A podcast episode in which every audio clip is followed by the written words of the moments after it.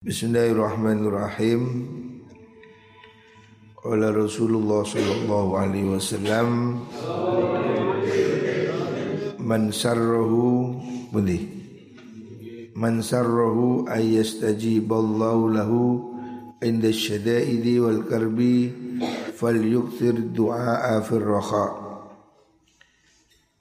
Rasulullah sallallahu alaihi wasallam bersabda Man utai sapani wong iku sarrahu bungakan hu ingman siapa orang senang kepingin ya. Siapa orang ingin ayas tajiba ing yento nyembadani. Nyembadani hu ingman sinten Allahu Gusti Allah inda syadaidi nalikane piro-piro kesusahan. Siapa orang ingin doanya mustajabah ketika susah, ketika sedih, kepingin segera ditulungi oleh Allah wal karbilan nalikane kesusahan fal yukthir mongko becik ngakehaken sapa man addu'a ing donga Dungo firrokhoi ing dalem waktu kepenak, waktu jembar. Hadis rawahu ibnu Abid Dunya. Rasulullah Shallallahu Alaihi Wasallam mengajarkan supaya kita ini rajin berdoa. Doa jangan menunggu situasi susah. Jangan hanya berdoa kalau kita ini butuh. Berdoalah kepada Allah ketika kita ini senang. Ketika kita sedang longgar, ketika kita sedang tidak ada problem, berdoalah kepada Allah. Seperti hari ini, kamu di pondok rajin berdoa, rajin berzikir. Supaya nanti kalau kamu sedang sedih, kalau kamu sedang susah Maka doamu segera dikabulkan oleh Gusti Allah ya. Orang ini kalau kenal waktu penak Teman baik Waktu senang bersama sering ketemu Maka waktu susah pasti kita tolong Teman baik yang biasanya memang sudah baik, tidak ada pamrih, konco, api, kalau dia sedih, kalau dia sakit, pasti kita ingin membantu. Begitu pula kalau kita ini mohon pada Gusti Allah. Kalau di waktu senang, di waktu penak kita ini dekat pada Allah. Nanti di waktu susah kita akan segera ditolong oleh Gusti Allah. Jangan mendekat kepada Allah hanya ketika susah. Tiba sikile cuklek baru Ya Allah si Allah. Lawingi belakra anak hewan. Waktu penak biayaan. Sikile cuklek baru Ya Allah Ya Allah. Jangan berdoa menunggu susah. Ini sama dengan orang nggak pernah kenal nggak pernah nyapa Moro-moro utang Nyil duit Gak tau ketemu moro-moro nyil duit cepetan nyeli duit eh siapa gelem? Gak kenal kok. Moro-moro nyeli duit utawa eh mencucu. Biasanya orang itu tidak ramah. Biasanya nyengit konco biasanya elean menikah duit duit moro nyeli duit nyeli duit rek. Wingi-wingi meso. Kira-kira disili apa Hah? arek biasa ngelamak nyilih duit dikei nopo mboten? Hmm, mau apa kan wingi-wingi kon pecicilan. Nah. Tapi kalau orang biasa baik, biasa nulung, biasa bantu, biasa nyapa, kalau dia sakit atau dia jatuh, otomatis kita pasti ingin bantu. Oh kasihan teman saya, oh, mesti kita bantu. Oh itu baik sama saya, mesti kita bantu. Begitulah kalau kita ingin mendekat pada Allah. Di waktu senang, di waktu longgar, di waktu tidak ada masalah, berdoalah kepada Allah. Ini cara wong siap-siap. Katim PT di, di apa diasah. Pisaunya selalu tajam. Doa ini kan senjata. Harus selalu diasah. Siapa orang rajin berdoa ketika dia senang, maka dia akan ditolong, dikabulkan doanya oleh Allah ketika dia susah. Dalam riwayat yang lain Nabi bersabda Ta'arraf rabbaka fir raha Ya'rifka fis syiddah Kenallah kamu pada Tuhanmu ketika kamu senang Maka Allah akan mengenal kamu ketika kamu susah. Jadi ojo ngenteni susah Ada orang ini memang tipenya begitu Kayak susah kayak dungo Makanya oleh Allah diberi kesusahan Supaya apa? Supaya dia mau berdoa. Ini yang kata Rasulullah Sallallahu Alaihi Wasallam. Nabi heran, katanya kanjeng Nabi heran. Ada orang masuk surga masih harus ditarik pakai rantai. Ada orang kok minta ke surga harus dipaksa. Mestinya orang ini kan ke surga ini kan berangkat sendiri toh. Tapi ada orang ke surga ini harus dipaksa. Harus dipaksa harus digeret. Nah, siapa itu? Orang-orang yang mau jadi baik kalau susah. Makanya oleh Allah dipaksa. Ketika dia tidak mau ingat pada Allah, lupa diri, Allah berilah cobaan dia. Sakit, jatuh, miskin. Maka dia akan otomatis ya Allah, ya Allah, ya Allah. Nah ini, ini orang yang dipaksa eling Allah nunggu diberi musibah. Ini ibaratnya wong mlebu swarga dan jaluk dipaksa. Mestinya refleks orang itu kepingin masuk surga. Lah ono sate kan masuk dipaksa lah. Kilo sate. Ya mesti karek nyokot. Kok ono wong sate jaluk dijejelno.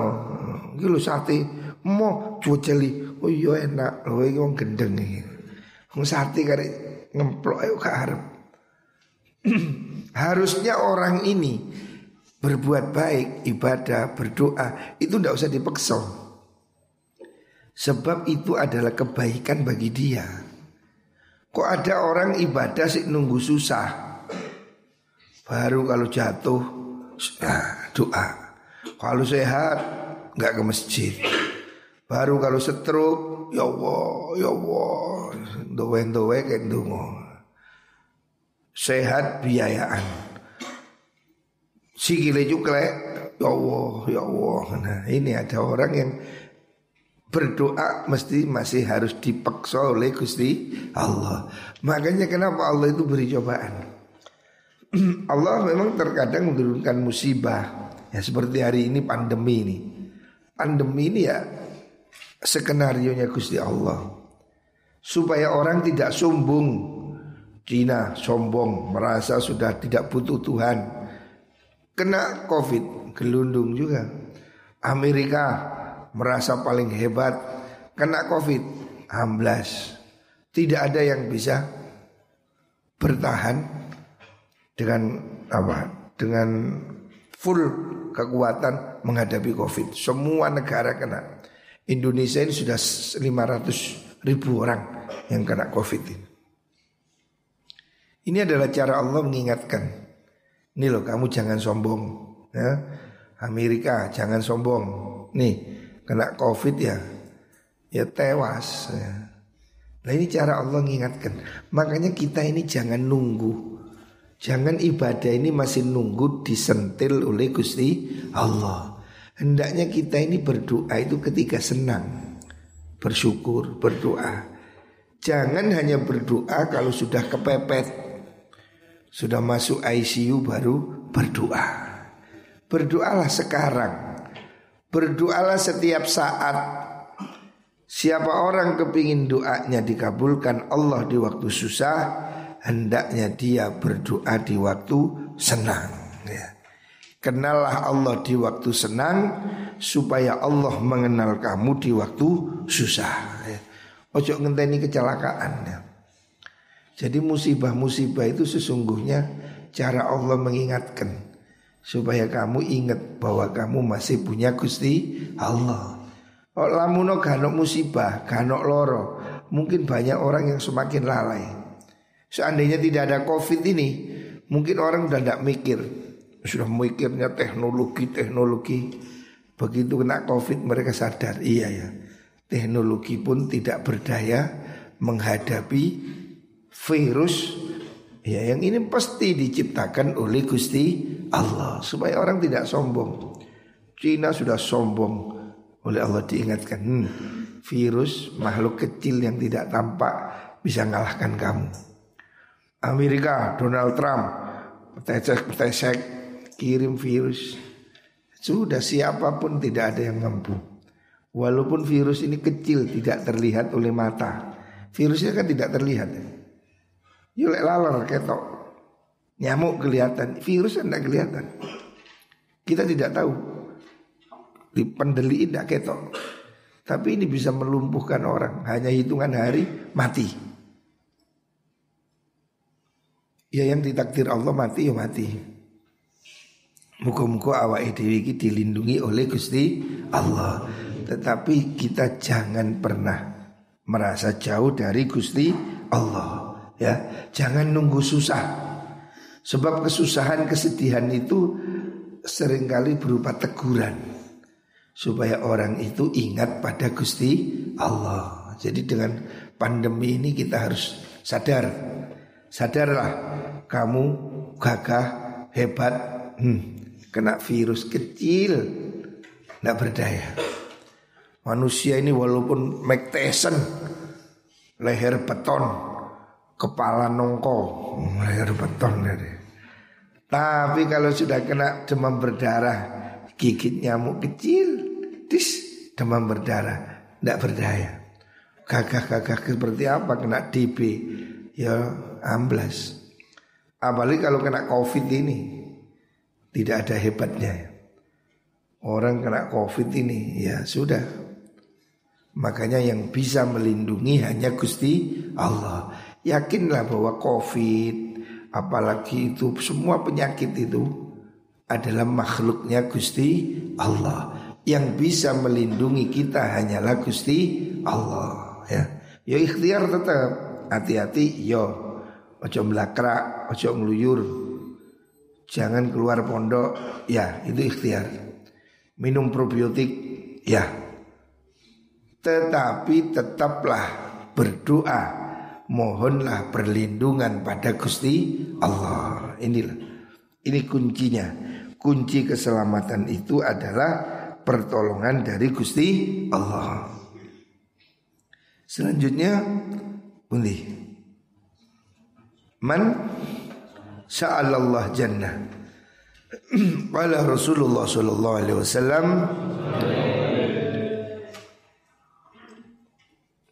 Man sa'alallah Man utawi sapane wong iku saala nyuwun sapa man Allah ing Gusti Allah. Siapa orang memohon pada Allah Al jannata ing suwargo Mohon diberi surga Jadi kita ini harus optimis ya Orang Islam optimis Kita semua ini insya Allah calon penghuni surga Calon penghuni surga Kita-kita ini optimis Menjadi orang Islam ini kita adalah calon penghuni surga. Ya muka-muka VIP. Masuk surga ada yang VIP. Untuk sing telat, untuk sing karantina. Nah ini karantinanya ini yang susah. Muka-muka kita ini masuk jalur cepat. Amin Allahumma amin. Salah sama rotin kalau telung ambalan Siapa orang berdoa minta surga tiga kali ya. Setiap saat ya Allah Allahumma inna nas'alukal jannata Ya Allah saya mohon diberi surga Allahumma inna nas'alukal jannata wa na'imaha Dan seterusnya Pokoknya mintalah surga Kamu setiap hari Berdoalah pada Allah Minta surga ya Minta surga Tujuan kita ini surga Dunia ini masih Apa itu lintasan. Kita ini melintas di dunia perjalanan kemudian tujuannya adalah surga. Makanya kita harus saling menyemangati ya. Ayo kita ini semua calon penghuni surga. Jangan sampai ada yang kececeran ya. Gue sing dablek-dablek iki ngono. Nanti kon ketinggalan sepur kan. Ini sepur kata budal ya. Kita ini insya Allah semuanya rombongan akan masuk surga. Semua kita masuk surga, insya Allah. Kata Rasulullah, kullu ummati yadkhulunal jannah. Semua umat Islam ini masuk surga. Dijamin. Kecuali ilaman apa? Kecuali yang nggak mau. Sinten sing boten purun Nabi. Kila mayyaba. Sinten Nabi tiang boten gelem lebu swarga. Oh itu jelas Man ani dakhalal jannah Siapa taat pada saya masuk surga Rungokno Taat kanjeng Nabi melebu suarga Waman asoni fakot aba Sing gak gelem manut Ya berarti gak gelem melebu suarga Pondok ini peraturan Ngaji yo jamaah sekolah Insya Allah ini sudah tiket masuk ke surga. Tidak ada yang bolos kayak ngono iku. Iku sapa bolos sih. Hati-hati kan. Ono motor berangkat kan mencolot. Jangan lepas dari rombongan ini. Kita ini insya Allah semuanya ini rombongan masuk surga. Minta pada Allah ya Allah, berilah kami surga. Sudahlah hidup sesulit apa pun ini tidak ada artinya. Miskin pun paling ya miskin berapa tahun mati. Sakit pun berapa tahun juga mati. Tapi kita akan di surga selama-lamanya. Makanya mintalah surga. Kalau kamu berdoa, mintalah surga. Minta surga ya Allah. Nabi juga mengajarkan begitu. Allahumma inna nas'alukal jannata wa na'imaha wa ma yuqarribuna ilaiha min qaulin aw fi'lin aw niyatin aw amal. Wa na'udzubika minan nar. Ya Allah jauhkan saya dari neraka. Wa ma yuqarribuni ilaiha. Dan membuat apa yang membuat kita dekat ke neraka. Min qaulin aw fi'lin aw niyatin aw i'tiqadin aw amal. Mintalah surga dan apa yang membuat kita dekat ke surga ucapan perbuatan tindakan ya ini pertolongan Allah mintalah surga dan insya Allah kita semua akan berkumpul di surga. Amin Allahumma amin. Surga. Makanya sing sabar. Jombolos. Ham, rungokno ini. Ini trayek surga sudah berjalan. Kau gak gelem ngaji, gak gelem jamaah, kancrit kan. Awas ketinggalan. Kita ini sedang berjalan ke surga. Ibadah, ngaji, zikir, menjauhi dosa. Ini kita di jalan yang benar. Insya Allah kita semua masuk surga. Amin Allahumma amin. Wa man tasabani wong iku istajaro. Jaluk perlindungan sopeman Jauh ke rekso Minta dilindungi Minan nari saking neroko Salah sama rotin kelawan telung ambalan Siapa selalu berdoa minta dijauhkan dari neraka tiga kali. Qalat mongko ngucap opo annaru neraka Allahumma ajirhu minan nar. Allahumma du Allah ajirhu mugi nyelamataken panjenengan hu ing wong minan nari sanging neraka. Ya. Jadi ini efek dari doa. Efek positif dari doa. Yakin ya. Nabi dawuh man sa'alallah al jannah thalatha marrah qalatil jannah Allahumma adkhilhul jannah Barang siapa memohon pada Allah untuk masuk surga tiga kali Maka surga akan berkata Allahumma adkhilhul jannah Ya Allah masukkan orang itu ke surga Karena dia selalu minta masuk surga Begitu juga Wa manistajaro minan nari salah samarat Siapa orang minta perlindungan Allah Ya Allah jauhkan saya dari neraka. Wakina ada benar Wakina ada benar Tiga kali Kolatinar Neraka akan berkata Allah ajirhu minan nar Jauhkan dia dari neraka. Ya makanya doa ini penting. Jangan males berdoa ya. Jangan males berdoa Karena kamu berdoa itu berarti kamu sudah beribadah. Sebab doa itu perintahnya Gusti Allah. Allah merintah kok. Ya. Allah merintah, doa itu disuruh oleh Allah ya. Jadi Allah memerintah, "Ud'uni astajib lakum." Allah itu nyuruh jaluk oh. Kok kon jaluk kok gak gelem toh? Jaluk oh. Perintah Allah itu ud'uni, mintalah kau padaku ya. Jadi berdoa itu ibadah. Memohon pada Allah itu ibadah. Mintalah surga ya.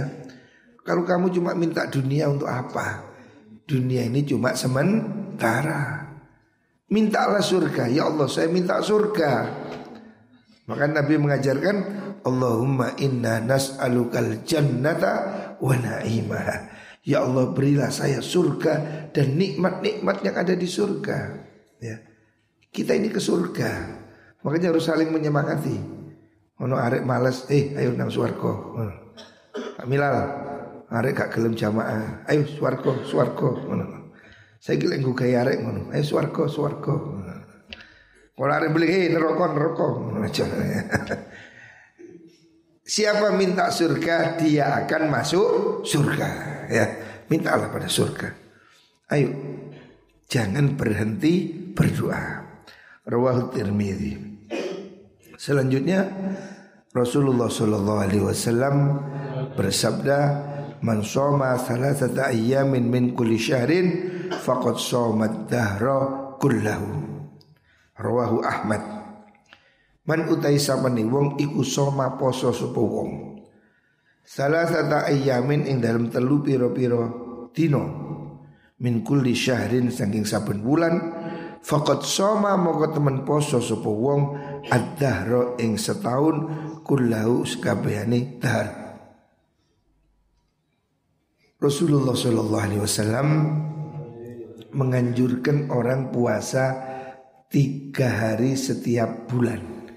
Itu yang disebut dengan puasa terang bulan. Ayyamul Bid 14, 15, 16 Hijrah ya.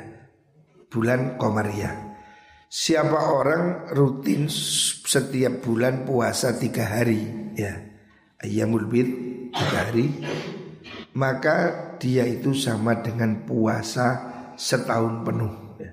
Pahalanya maksudnya jadi puasa tiga hari setiap bulan tanggal tengah ya 14, 15, 16 ditambah dengan puasa enam hari bulan Syawal maka dia sama dengan puasa sebulan penuh ya.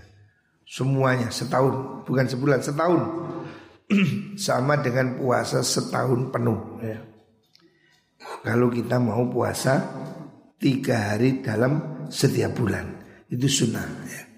Selain puasa Senin Kemis Dianjurkan puasa tiga hari. Hari putih Hari terang bulan. Tanggal 14, 15, 16 Bulan Komariah Rawahu Ahmad. Selanjutnya Rasulullah Shallallahu Alaihi Wasallam bersabda Man soma wa adbahu sitan min syawal kana kasawmid dahri Ruwahu Muslim. Man utai sapane wong iku soma poso sapa man. Ramadhana ing wulan Ramadan wa adba'ahu lan ngenut bureni sapa man hu ing saum Ramadan sitan ing 6 dina min Syawal sanging bulan Syawal kana mongko ana sapa man iku kasaumid dahri kaya poso setahun. Siapa orang puasa Ramadan ditambah enam hari di bulan Syawal. Jadi bulan Syawal setelah Ramadan itu sunnah puasa enam hari berturut-turut ataupun terpisah-pisah. Siapa puasa Ramadan ditambah enam hari di bulan Syawal maka pahalanya sama dengan puasa satu tahun. Sama. Maksudnya nilai ibadahnya. Jadi kamu tidak usah susah-susah puasa setahun. Ya, berat. Ya ada orang yang kuat puasa setahun ada. Saya punya teman puasa sudah bertahun-tahun. Nah kita ini nggak usah terlalu berat-berat begitulah ya. Daripada puasa setahun penuh, wah ini juga kalau nggak kuat repot. Ya.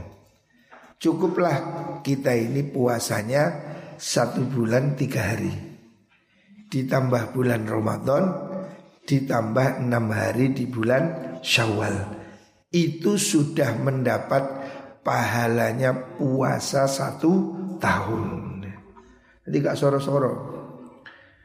Ojo poso setahun. Gue kon kepingin es tegan susah. Awan-awan kepingin bakso. kita ini hidup yang enteng aja lah, tapi baik ya. Jadi puasa nggak usah setahun, cukup tiga hari setiap bulan. Itu sudah pahalanya sama dengan puasa satu tahun. Ya. Selanjutnya Rasulullah Shallallahu Alaihi Wasallam bersabda, man shallal isya'a fi jama'atin faka'annama qama nisfa lailah wa man shallal subha fi jama'atin faka'annama shallal laila kullah rawahu muslim Kanjeng Nabi mengajarkan man utai sapane wong iku sholat sholat sopoman. Siapa orang sholat al isya'a ing sholat isya' fi jamaatin ing dalam jamaah. Perhatikan, siapa orang sholat isya jamaah. Sholat isya ini berat ya. Sholat isya ini berat. Kelihatannya enteng tapi berat. Sholat yang berat ya, sholat yang berat itu dua jamaah, isya dan subuh. Telan subuh ya hari jamaah separuh berat memang karena apa? Pahalanya besar. Juga Isya. Isya itu pahalanya besar. Kata Rasulullah Shallallahu Alaihi Wasallam, "Man shallal isya fi jama'atin." Siapa orang sholat isya berjamaah, faka nama koma kaya kaya jumeneng maksudnya jumeneng niku tahajud sopeman nisfalailatin ing dalam separuh wengi.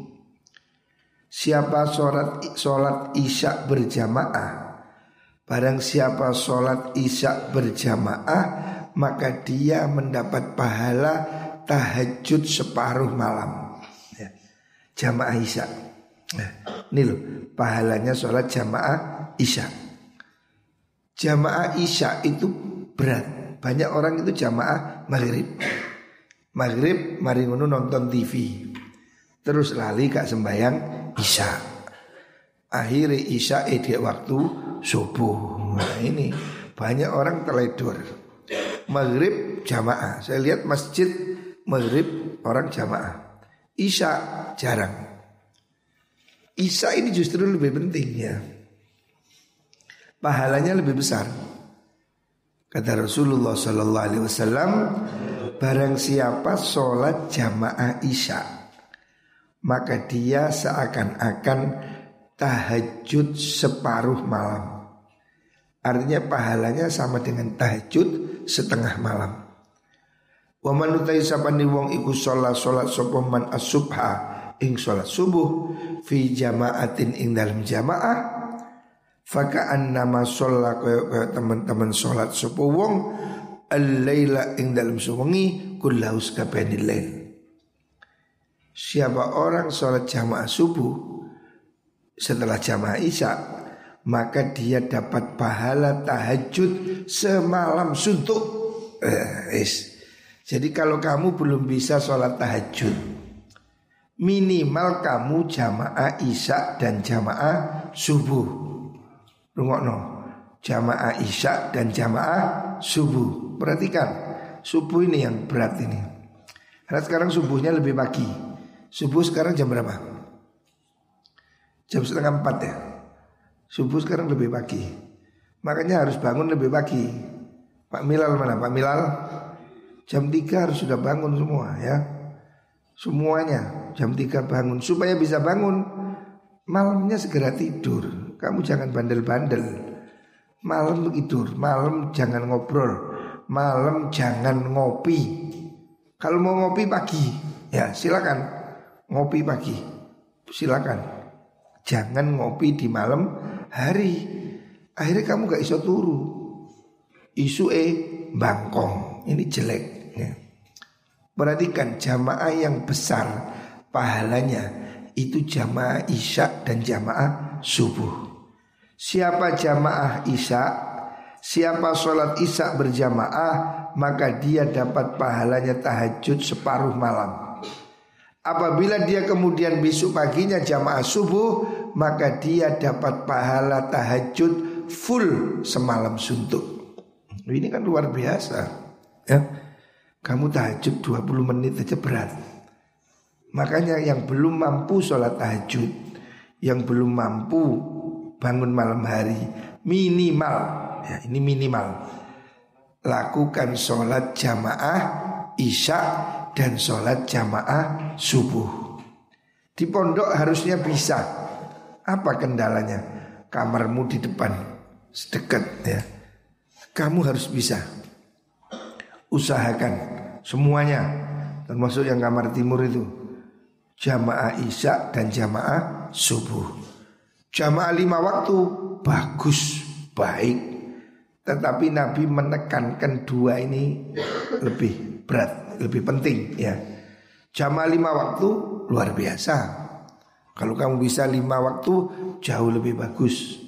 Apalagi masih di pondok ya. Orang mondok kuncinya ilmu berkah harus jamaah lima waktu. Ayah saya dulu ngingatin begitu. Mondok kuncinya jamaah. Maka saya berusaha jamaah. Jangan ikut teman yang jelek ya. Terus terang kamar saya dulu di pondok waktu saya mondok di Lirboyo, kamar saya itu nyepit sebelah sana sendiri. Tapi saya kepingin jamaah. Gimana? Saya tidurnya di masjid. Jadi kamu harus ada usaha. Kepingin jamaah subuh itu usaha. Jangan kamu malah kepingin jamaah subuh malah tidurnya sembunyi. Ada yang sembunyi di jemuran. Itu pikiran sesat itu.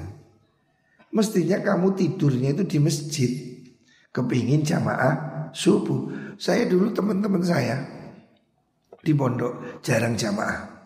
Karena kamar saya itu agak nyelempit di belakang masjid. Tapi saya tidak ingin seperti itu. Karena ayah saya kalau saya pulang dari pondok selalu bertanya, kamu sholat jamaah, kamu jamaah subuh. Ayah saya selalu begitu. Jadi saya maka malu kalau saya ditanya nggak jamaah. Saya berusaha. Loh, saking kepinginnya saya sholat jamaah subuh, saya itu dulu tidurnya di Serambi. Kalau di Lirboyo itu anak-anak itu tidurnya di Serambi. Kalau dalam masjid nggak boleh. Serambi masjid boleh full Serambi Masjid Lirboyo itu full anak-anak rata-rata yang rajin-rajin tidurnya di masjid. Saya lebih khusus saya ngambil tempat yang VIP di bawahnya cidor, ngerti kan cidor, cidor beduk gitu. Nah, saya tidur di bawah beduk itu. Pukulnya beduk itu saya bikin bantal, lah golek ibu tak bantal. Nah sebelum subuh itu kan mesti sudah kalau di Lirboyo sebelum subuh sudah ditabuh kalau subuhnya jam setengah empat, jam kurang satu jam sudah dibangunkan. Kalau subuh umumnya setengah lima, setengah empat sudah ditabuh. Lah kalau mau nabuh jidor ini kan nyari pendungnya itu. Kan jidornya pendungnya besar. Pukulnya ini sak, sak paha, pahanya besar gitu pendung. Nah, pendungnya itu saya bikin tidur. Jadi kalau jam setengah empat istiwa dicari kan Wah dibata aku tangis. Sebelum ditobuh saya udah bangun. Karena apa? Ba apa pukulnya tak bikin bantal sama saya itu langganan saya itu. Tidurnya di bawah beduk. Jadi nggak bisa nggak bangun, cedur cedur cedur bangun saya. Sholat subuh. Jadi ikhtiar ya. Kepingin sholat subuh ini berusaha. Bukan tidak berusaha, harus berusaha. Ya apa kita bisa jamaah subuh? Malam hari segera tidur. Itu kunci yang pertama. Malam hari segera tidur. Makruh hukumnya ngobrol di waktu malam. Itu hukumnya makruh ya. Rasulullah SAW tidak suka orang bicara setelah sholat isya Kecuali ngaji, kecuali baca Quran. Malam segera tidur. Pagi segera bangun. Kalau bisa sebelum subuh jam 3, setengah 3 bangun ya. Pasti bisa saya sendiri berusaha tidur ya tidak terlalu malam. Kalau kamu tidak merokok, kamu bisa bangun pagi. Salah satu penyebab sulit bangun tidur itu merokok. Dulu saya merokok, nggak bisa bangun pagi, wabot. Karena malam hari sih sedot situ kati turu tangi mana nyedot mana ini penyakit setan ini Lalu saya dulu juga ngerokok kalau sudah nggak merokok alhamdulillah bangun pagi enak tapi orang-orang yang merokok itu pagi bangun berat karena ya disedot setan ini gitu ya makanya tidak usah ngerokok bangun lebih pagi berusahalah bangun pagi Gimana? Tidur kamu di sini. Tidur kamu di sini di musola sini ya. Berusaha ikhtiar ya. Karena pahalanya jamaah subuh dan jamaah isya itu seperti sholat tahajud semalam suntuk ya. Kalau bisa tahajud lebih bagus. Kalau belum bisa tahajud minimal lakukan jamaah isya dan jamaah subuh. Ya. Lakukan ini. Ojo, ojo sembrono. Subuh terutama ini. Kamar timur. Sul, Samsul, ini Samsul. Ihab bareng ono gak ciwir ini. Sing turu iku kan ciwir. Aja. Awas, subuh semua harus jamaah. Muka-muka kita semua dapat pahala yang besar ini Siapa sholat isya subuh berjamaah Dapat pahala tahajud semalam sentuh Amin Allahumma amin